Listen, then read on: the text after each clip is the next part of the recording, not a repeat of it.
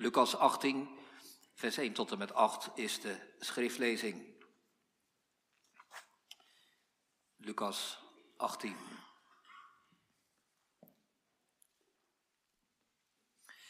Wij lezen daar het woord van God. Hij sprak ook een gelijkenis tot hen met het oog daarop dat men altijd moet bidden en niet de moed verliezen.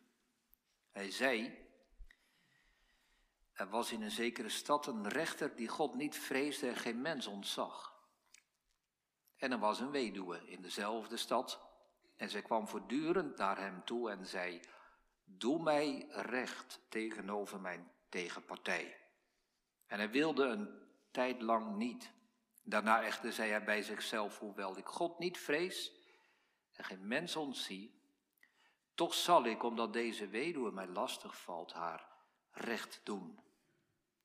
Omdat zij uiteindelijk niet komt en mij in het gezicht slaat. En de Heere zei, hoor wat de onrechtvaardige rechter zegt, zal God dan geen recht doen aan zijn uitverkorenen, die dag en nacht tot hem roepen, hoewel hij hen soms lang laat wachten? Ik zeg u dat hij hun met spoed recht zal doen. Maar zal de zoon des mensen, als hij komt, wel het geloof op de aarde vinden? Tot zover de lezing van de schrift. Laten we vers 7 als uitgangspunt nemen. Zal God dan geen recht doen aan zijn uitverkorenen, die dag en nacht tot hem roepen, hoewel hij hen soms lang laat wachten? Zal God geen recht doen? Laten we dat boven de preek schrijven. Zal God geen recht doen? De vraag van dit gedeelte, de vraag van vanavond in de preek. Ten eerste hoe God lijkt te zijn. Want hij wordt vergeleken met een onrechtvaardige rechter.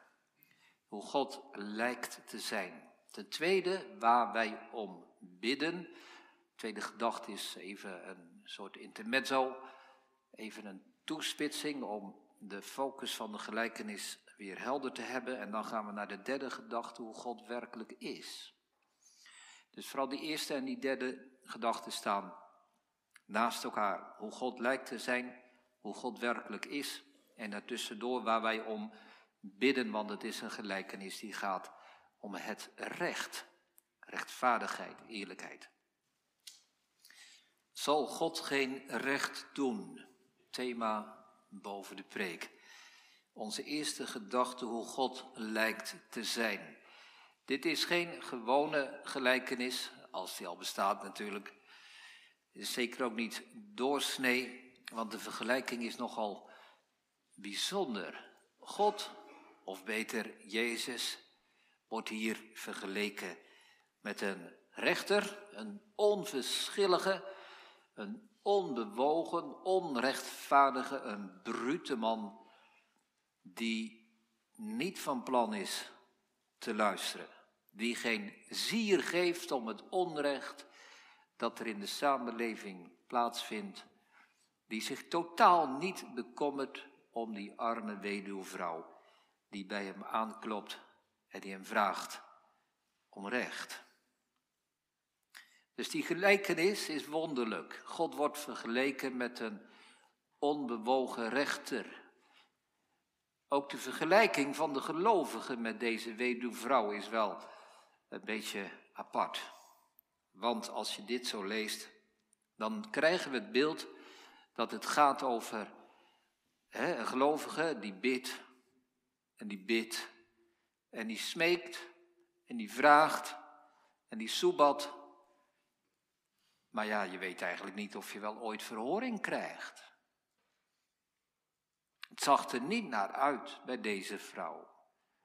Is dat dan het beeld van ons bidden? Moeten wij blijkbaar zo bidden? Is het dan zo dat wij bij God bidden en vooral heel lang moeten volhouden en uiteindelijk geeft God datgene waar wij om bidden om van ons gezeur af te zijn? Moet dat de basis zijn waar wij verhoring op verwachten? De gelijkenis, laat ik daar even wat over zeggen, gemeente. De gelijkenis is niet, als je het plaatst in de tijd van toen, helemaal zo vreemd. Want dit was wel wat voorkwam. En wat helaas in de wereld vandaag de dag nog steeds voorkomt. Als er onrecht in de wereld is, dat is al erg genoeg. Maar als het rechtssysteem verdorven is, dan is dat dubbel erg. We komen hier een rechter tegen, die zijn naam is rechter. Hij moet recht spreken, maar hij buigt het recht, staat er ergens in de Bijbel. Dus wat recht moet zijn, maakt hij krom. Hij wil wel recht spreken als hij er steekpenningen voor krijgt. Als hij er wat voor terugkrijgt van de aanzienlijke, van de invloedrijke, van de machtige mensen in de samenleving. Daar wil hij zijn mogelijkheden wel voor inzetten. Maar deze arme weduwe interesseert hem niet. Ze heeft geen geld om te betalen. Ze kan hem niets aanleveren waar hij zelf wat aan heeft. Het enige wat ze kan doen is blijven roepen, blijven bidden, blijven smeken. Ze loopt hem achteraan elke dag weer. En uiteindelijk is die rechter het zo verschrikkelijk zat dat hij zegt, ze zal me nog in mijn gezicht slaan als ik haar nu niet geef waar ze bid. Vooruit, ik wil er van af, ik doe het maar. Alsjeblieft, je krijgt je recht en ik wil je nooit meer zien. Wat een vergelijking. Wat een gelijkenis. Als wij in de Bijbel zien dat God wordt vergeleken met een vader, met een herder, als God liefde wordt genoemd, dan begrijpen wij die beeldspraak. Als God rechter wordt genoemd, vinden we al lastiger. Maar als die vergeleken wordt met een onrechtvaardige rechter, met zo'n man, hoe kan dat? En toch, tegelijk gemeente, kan de gelijkenis nogal eens wat herkenning oproepen. En dan vanuit die kant van die weduwe, zeg maar. Dat wij denken, ja, zo is mijn houding soms ook wel. Ik bid, ik vraag, ik smeek soms naar God. En ik heb dezelfde indruk als deze vrouw. Hoort God mij wel? Doet hij wel wat? Interesseert het hem wel wat mijn nood en ellende is? Soms denken wij ook wel van, ik moet nog maar langer bidden en ik moet nog maar langer smeken. Misschien moet het nog indringender en hopelijk krijg ik God dan eindelijk zover dat hij doet wat ik hem vraag. En soms gebeurt het dan nog niet. Gaat ons lot hem eigenlijk wel aan het hart? Heeft het wel zin om te bidden? Die vragen die kennen we toch allemaal wel bij momenten. Maar doe ik het eigenlijk voor? Als God toch al van eeuwigheid zijn plan heeft klaar liggen en doet wat hij van eeuwigheid besloten heeft. Het ligt allemaal al vast. Die vraag aan het einde van vers 8 is toch ook niet zo'n rare vraag. Zal de zoon des mensen als hij komt wel geloof op de aarde vinden? Het valt niet mee om te blijven geloven in een God die zo slecht naar ons luistert. Toch, die vraag. Het is ook niet raar als de meeste mensen in de verdrukking en de tegenslag van hun geloof vallen. Hoe kun je het volhouden? Nou gemeente, die twee dingen hangen samen. Ons beeld van God en ons bidden. Die twee dingen hangen samen. Als wij het moeilijk vinden om, laat ik zeggen in één woord, om positief over God te denken, vinden we het ook moeilijk om te bidden en te blijven bidden. Hoe zwaarder ons bidden dan wordt. Hoe meer wij denken dat God heel de wereld maar aan zijn lot overlaat en ons erbij. Hoe lastiger, hoe zwaarder het is om te bidden, hoe moedelozer wij worden. Hoe sneller wij denken dat God toch niet bewogen is met alle ellende in de wereld. En ons bidden houdt op. Kijk eens naar vers 1, hoe Jezus hier begint. Doet hij niet vaak. En al helemaal niet meteen aan het begin, maar hier staat het, waarom hij deze gelijkenis spreekt. Met het oog daarop dat men altijd moet bidden en niet de moed verliezen. Niet de moed verliezen. Dat is blijkbaar waar hij ons wil hebben, nu, vanavond, straks aan het einde van de dienst. Dat wij moed vatten, dat we moed grijpen, dat we bemoedigd worden en de moed niet verliezen. Want dat is de kern van die gelijkenis, gemeente, dat wij ons beeld van God zuiver moeten hebben, moeten bijstellen wellicht. Dat wij God moeten zien zoals Hij is. Dat moet als eerste gebeuren en dan zal ons gebed mee veranderen. En dan zullen wij niet stoppen met bidden, maar dan zullen we de moed kunnen opbrengen om te blijven Als ik God zie als iemand die klaar staat om mijn gebed te verhoren, ga ik anders bidden. Dan dat ik denk dat hij totaal niet op mij let. Als ik God zie als iemand die mij lief heeft en mijn stem hoort, ga ik hem ook lief hebben. Psalm 116, vers 1. God heb ik lief. Van die getrouwe Heer, hoor mijn stem, mijn smekingen, mijn klagen. Dus daar ga ik straks in de derde gedachte natuurlijk nog uitvoeriger op in.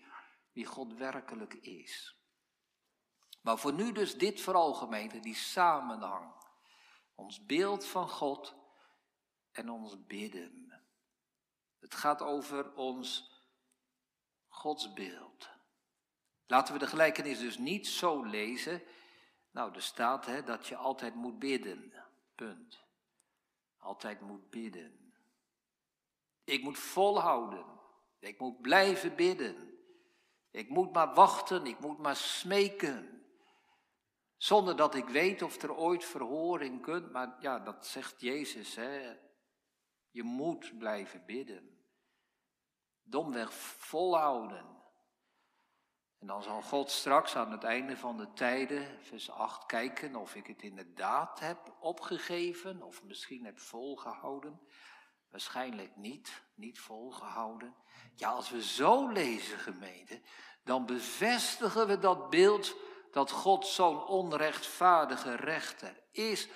Maar daar komt het, de strekking van die gelijkenis is. Eigenlijk is het geen gelijkenis, maar het is een tegenstelling. Dus maar één punt van overeenkomst. Dat lange wachten. Dat lange wachten. Slot van vers 7. Hoewel hij hen soms lang laat wachten. Dat geldt voor die vrouw, dat geldt voor ons als wij bidden. Dus één punt van overeenkomst. En de rest allemaal tegenstelling. Als een rechter al luistert, hoeveel te meer zal God luisteren. Als een slecht mens, zoals die rechter, al recht zal doen, hoeveel te meer zal een goede God recht doen. Als een rechter op grond van verkeerde motieven, al doet wat hem gevraagd wordt, hoeveel te meer zal God doen, die alleen maar goede motieven heeft, om zo te zeggen. Als de rechter van het onrecht zoals er in de grondtaal staat, al luistert, hoeveel te meer zal de God van het recht recht doen. Zal de rechter, zei Abraham al in Genesis 18, zal de rechter van de ganse aarde geen recht doen? Jazeker doet hij recht. En daarom gemeente, zo kunnen we onze eerste gedachte gaan afsluiten. Als ik ga bidden, laat ik voordat ik het mijn gebed begin, mezelf de vraag stellen, hoe zie ik God? Wat is mijn godsbeeld?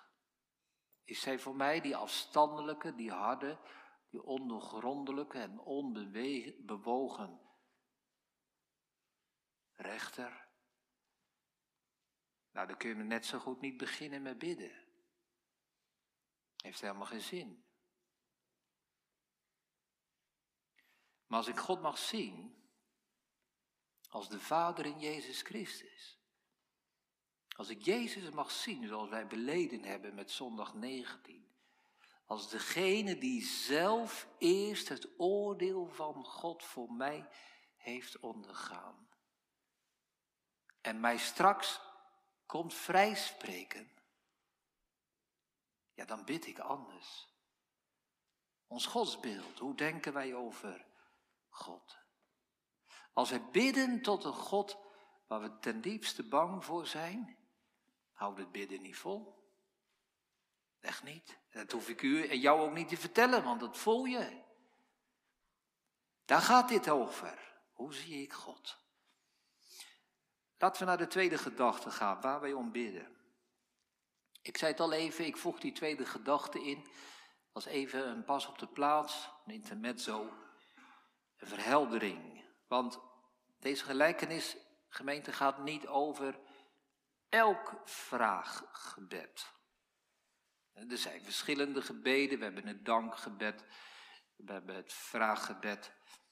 Maar binnen het vraaggebed kunnen we ook nog weer verschillende gebeden hebben waar we om bidden. Deze gelijkenis gaat over het bidden om recht en gerechtigheid, om eerlijkheid, om rechtvaardigheid in de wereld, om recht voor onszelf, om recht voor de gelovigen. We bidden om al die medechristenen waar ook ter wereld, die in onrecht leven dat over zich heen krijgen. Dus dit gaat niet zozeer over de dingen die we voor elke dag nodig hebben. Eten en drinken, gezondheid, vrijheid, rust voor het lichaam, energie voor ons werk en zo. Het gaat ook niet over het gebed om redding, verlossing, vergeving. Maar het gaat om recht. Eerlijkheid. Het is een gebed vanuit een situatie van onrecht. Doe mij recht, zegt die weduwe in vers 3. Doe mij recht. Vers 7 zegt, zal God dan geen recht doen? Ik zeg u, vers 8, dat hij hun met spoed recht zal doen. Uiteraard bidden wij ook voor meer dingen dan alleen om recht. Het is vandaag een middag voor gewassen arbeid en daar mogen we natuurlijk om bidden. Maar laten we die focus wel helder hebben. Want het gaat hier om het recht. En daarvan zegt de gelijkenis dat het nog wel eens lang kan duren. Ook voor andere dingen geldt de opdracht van verzeen dat we niet moeten stoppen met bidden, maar dat we het moeten volhouden. Het gaat hier, gemeente, ik, ik heb die tweede gedachte ingevoegd, om te zeggen het gaat over recht, omdat daar ook een specifieke aanvechting aan vastzit. Namelijk de gedachte dat God niet geïnteresseerd is is niets wat ons zo diep kan raken in deze wereld als onrecht. Is niets wat ons gebedsleven zo kan ondermijnen als de gedachte dat God al het onrecht in de wereld maar op zijn beloop laat. God ziet vanuit de hemel al die ellende, al het onrecht en hij doet er niks aan. Waarom zou ik dan nog bidden? God ziet uit de hemel zijn lieve kinderen, opgesloten in zeecontainers en gevangenissen, gemarteld, geminacht. God doet er niks aan. Is dat dan de God die wij dienen? Als God zelf Gods water over Gods akker laat lopen, moeten wij dan Hem aanroepen. Kijk gemeente, dat is een aanvechting die heel diep gaat. Er kunnen allerlei redenen zijn waarom ons gebedsleven matig is. Soms zijn we simpelweg te moe en, en, en je probeert stil te zijn en je valt, je valt in slaap. Of je hebt geen zin om de tijd ervoor te reserveren. Of we denken dat we het zonder Gods hulp ook wel kunnen redden. Maar dit is de aanvechting bij uitstek. Dat God onbewogen is, dat het God niet interesseert. Dat onze nood hem niet ter harte gaat. Dat hij toch wel ergens lijkt op die rechter die alleen aan zichzelf denkt. En alleen maar dingen doet om er zelf beter van te worden. Als ik het omdraai, gemeente, kan ik het ook zeggen. Het bidden om recht, om eerlijkheid, om rechtvaardigheid is het beste gebed dat wij kunnen bidden. Waar we God om mogen aanroepen. En de psalmen staan er vol mee. We zongen Psalm 79. Aai, hoor naar hen die in gevangenissen kwijnen. Laat hun gekerm voor uw gezicht verschijnen. Hij komt, hij komt, Psalm 98, om de aarde te richten, de wereld in gerechtigheid. Het moment komt dat hij het onrecht wegdoet. We gaan straks Psalm 146 zingen. Het is de Heer die het recht der armen, der verdrukten gelden doet. Er is een God die leeft en op de aarde vonnis geeft. De God van het recht. Wel, als we daar niet van overtuigd zijn dat God rechtvaardig is, dat God bewogen is, dat het God aan het hart gaat wat er op de aarde gebeurt, dan verdwijnt ons bidden. En omgekeerd, als wij diep van binnen weten dat God al dat onrecht ziet, en dat hij er wat aan gaat doen, dan blijven wij bidden. Ik heb het afgelopen zondag ook gezegd, hè? dat God de zonde en het onrecht van de wereld wegdoet. En de aarde schoonveegt en zuiver maakt. Zodat het een nieuwe hemel en een nieuwe aarde wordt. Zolang wij gemeente kunnen blijven geloven dat God goed is, blijven wij bidden. Zolang wij blijven zien dat God recht zal doen, zullen wij de moed niet verliezen. Maar als we dat kwijtraken, stopt ons bidden en stopt ons geloof. Nu naar de derde gedachte, wie God werkelijk is. We zagen wie God lijkt te zijn, onze eerste gedachte. Hij lijkt op die rechter uit de gelijkenis. We hebben gezien dat het gaat om het recht dat God gaat herstellen en waar wij om bidden. Dat wij zo moeilijk in de wereld kunnen zien. Nu de derde gedachte, wie God werkelijk is. Het is ook in dit opzicht wel een bijzondere gelijkenis. Want ik zat te denken, gemeente, in de voorbereiding. Er is misschien geen gelijkenis in de Bijbel die zo'n ontzettend radicaal en krachtig beeld van God geeft. In zijn liefde, in zijn betrokkenheid, zodat wij blijven bidden, blijven hopen, blijven vertrouwen, blijven geloven, de moed niet verliezen. In deze gelijkenis zet de Heer Jezus als het ware alles in om ons aan het bidden te houden, bij het geloof te bewaren. Hoe doet hij dat wel? Door dat te laten zien dat God in alle opzichten tegenovergestelde is van die rechter. Die rechter is onbewogen, maar God is bewogen. Met u, met jou, met ons. Die rechter wordt het gesmeek van die vrouw zat, maar God wordt ons bidden nooit zat. Hij luistert elke keer weer.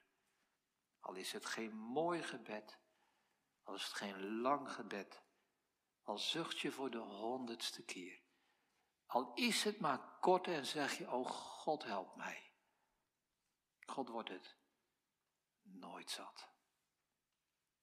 Hij luistert. De rechter wil af van die vrouwen. God wil nooit van ons af. Die rechter wil zo lang mogelijk wachten voordat hij die vrouw geeft waar ze om bidt. Maar God wil ons zo spoedig mogelijk recht doen. verzacht. Hij zal hem met spoed recht doen. Die vrouw wist niet of het wel zin had uiteindelijk. Zij wist niet of die rechter ooit op dat moment zou komen dat hij zei: Oké, ik ga overstag. Wij weten dat, dat God ons hoort en ver hoort. Wij weten dat. En daarom heeft Jezus ons geleerd om te bidden. Onze Vader. We mogen ook bidden onze rechter.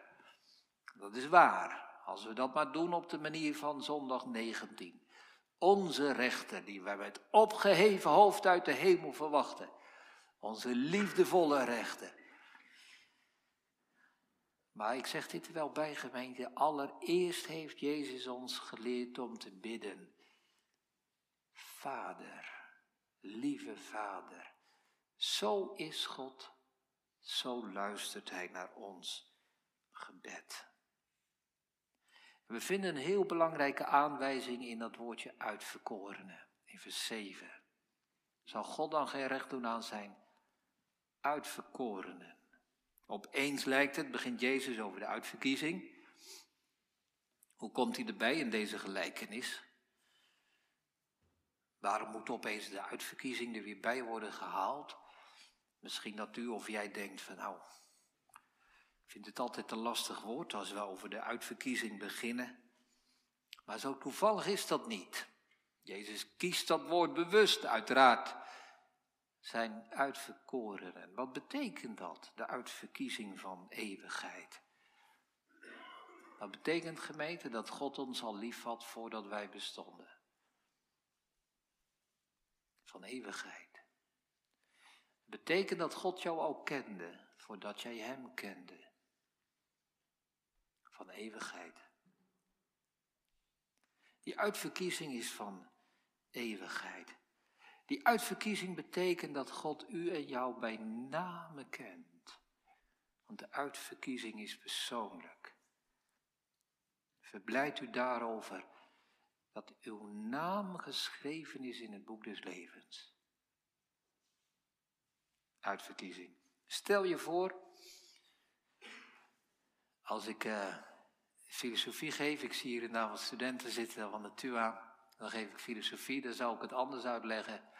Maar hier in de preekgemeente laat ik het uitleggen, de eeuwigheid als een hele lange lijn. Kinderen, als je nou een lijn zou trekken, niet van die muur naar die muur, maar eindeloos verder. En die kant ook. En als we nu daar beginnen, dat is de eeuwigheid waarin God dat besloten heeft. Hoe lang is dat? Ja, dat is miljarden kilometers lang. De eeuwigheid. En komt de tijd, ons leven. Als je 70, 80 jaar wordt. Dat is op die hele lange lijn, nou laten we zeggen zo'n stukje. En dan komt de eeuwigheid van de toekomst. Dat gaat door tot in eeuwigheid. Als God ons heeft uitverkoren, wat wil dat zeggen, gemeente? Dat hij ons lief heeft gehad van eeuwigheid. En dan komt dat stukje tijd van ons leven, 70, 80 jaar, 40 jaar misschien.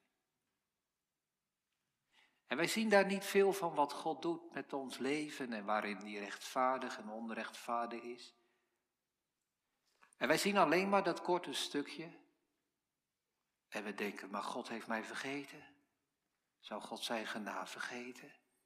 Nooit meer van ontferming weten? Heeft hij zijn barmhartigheid door zijn gramschap afgesneden? Wij kijken alleen maar naar dat kleine stukje. Maar God die heeft dat grote perspectief. Gemeente, denkt u, denk jij nu echt, hè, dat God die ons uitverkoren heeft, van eeuwigheid heeft lief gehad en straks van eeuwigheid zal lief hebben, dat Hij ons in dit kleine stukje aan ons lot overlaat en niet lief heeft? Natuurlijk niet. God heeft ons lief van eeuwigheid tot eeuwigheid. En hij heeft besloten toen om ons lief te hebben en om ons straks naar de eindeloze zaligheid te brengen. Waarom? Liefde. Liefde. Zou hij dan echt in dat korte leventje dat wij op aarde zijn, waar wij moeite en tegenslag hebben, waar wij onrecht zien en ondergaan, zou God ons vergeten? Nee, natuurlijk niet. Onmogelijk, ondenkbaar. Daarom kiest Jezus dat woord uitverkorenen. Ja, zeg je, maar ik weet niet of ik uitverkoren ben. Want niet alle mensen zijn uitverkoren. Ja, die vraag die duikt telkens weer op. Wat moeten we daarmee? Wel, we blijven bij de gelijkenis. Probeer eens mee te denken. Hoe begint Jezus? Hij sprak ook een gelijkenis tot hen met het oog daarop dat men altijd moet bidden en niet te moet verliezen. Wel vraag je af, zou Jezus die woorden vanavond ook tegen mij zeggen? Ja, Jezus geeft ook u en jou de opdracht om te blijven bidden en de moed niet te verliezen. Hoe doet hij dat? Hoe krijgt hij ons zover dat wij blijven bidden en de moed niet verliezen? Wel, hij zegt, God ziet zijn uitverkorenen. Dus dat zegt hij ook tegen u en tegen jou. Anders heeft het helemaal geen zin natuurlijk. Als je wel de oproep en de plicht in vers 1 geeft, maar niet de belofte en de bemoediging van vers 7, ja, dan is die gelijkenis voor niets. Dus die horen samen. Als je de aansporing van vers 1 aanvaardt, zo kan ik het zeggen, dan mag je ook de bemoediging van vers 7 aanvaarden.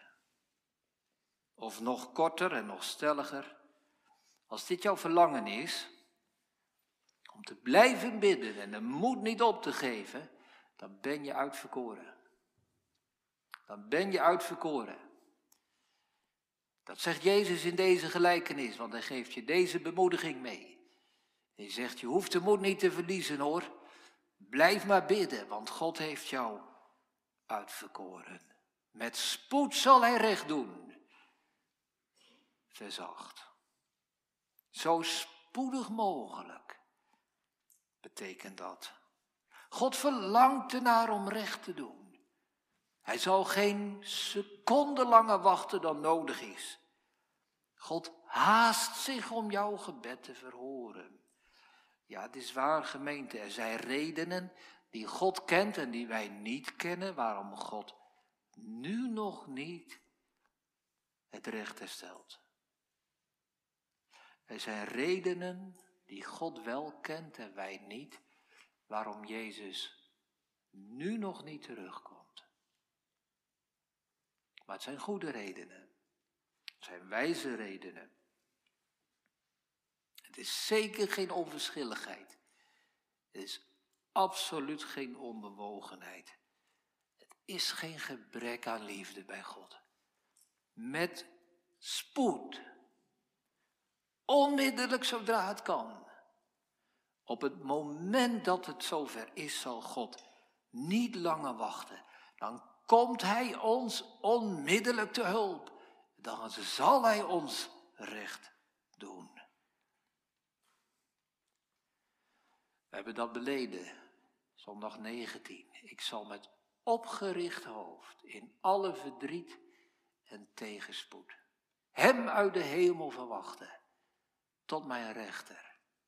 Diezelfde, die zich tevoren omwille van mij onder de vloek van God heeft geplaatst. We zien in deze gelijkenisgemeente dat het soms over God gaat en soms over de Heer Jezus. God zal recht doen, staat er. Vers 7. Vers 8 zegt, de zoon is mensen als hij komt als rechter. Dus het gaat hier over Jezus, die God is. En die komen zal om te oordelen de levenden en de doden. Dat woord uitverkorene, misschien viel het je op, komt ook in zondag 19 weer terug. Die al zijn en mijn vijanden in de eeuwige verdoemenis werpen zal. Dat is recht. Maar mij met alle uitverkorenen tot zich in de hemelse heerlijkheid nemen zal. Het ontbreekt de Heer Jezus niet aan bewogenheid. Het ontbreekt hem niet aan liefde. Hij heeft zich om wil als het lam van God laten slachten. Opdat hij ons als rechter kon bevrijden. Zal hij nog geloof op de aarde vinden? Zal hij nog het geloof op de aarde vinden? Ja, natuurlijk. Jazeker, gemeente, dat heeft hij beloofd. Dat geloof dat is er en dat blijft er. Ik heb voor u gebeden, zegt hij, dat je geloof niet ophoudt. Simon, de Satan heeft je begeerd, zift als de tarwe. Maar ik heb voor u gebeden dat je geloof niet ophoudt. Dat goede werk dat hij in u begonnen heeft, zal hij voleindigen. Tot op de dag van Jezus Christus. Zal hij nog geloof vinden als hij op de aarde komt? Absoluut zeker. Hij zelf staat er garant voor. Gemeente, zo worden wij bemoedigd vanavond. Zo horen wij dit woord. Laten we blijven bidden. Laten we de moed niet verliezen. Jezus spreekt ons aan. Hij corrigeert ons Gods beeld. Die gedachte van ongeloof, dat God hard is, meedogenloos, afstandelijk, corrigeert hij. En hij spreekt over de eeuwige uitverkiezing. Hij belooft ons vanavond dat ieder van ons die bidt om recht, recht krijgt. Hij verzekert ons dat ieder die deze goede God vertrouwt, uitverkoren is. Hij belooft ons dat ieder die in de gekruisigde Christus gelooft, het recht heeft op het eeuwige leven. Zal God geen recht doen? Jazeker doet hij recht. En zo bemoedigt hij ons. Niet gemeente door te zeggen, stil maar, wacht maar, alles wordt nieuw. Maar door ons nu aan te sporen, vandaag. Hij zegt niet, wacht maar tot de laatste dag, dan komt het goed. Hij zegt, nu mag je je hoofd oprichten. Nu mag je deze goede God aanroepen. Ik geef je moed, je hoeft de moed niet te verliezen. Blijf bidden, blijf volhouden. Laat je bemoedigen, laat je vervullen met dankbaarheid, met vreugde, met genade. Dit is onze God, die ons meer lief heeft dan wie ook. Hij zal zich spoeden om ons recht te doen. Amen.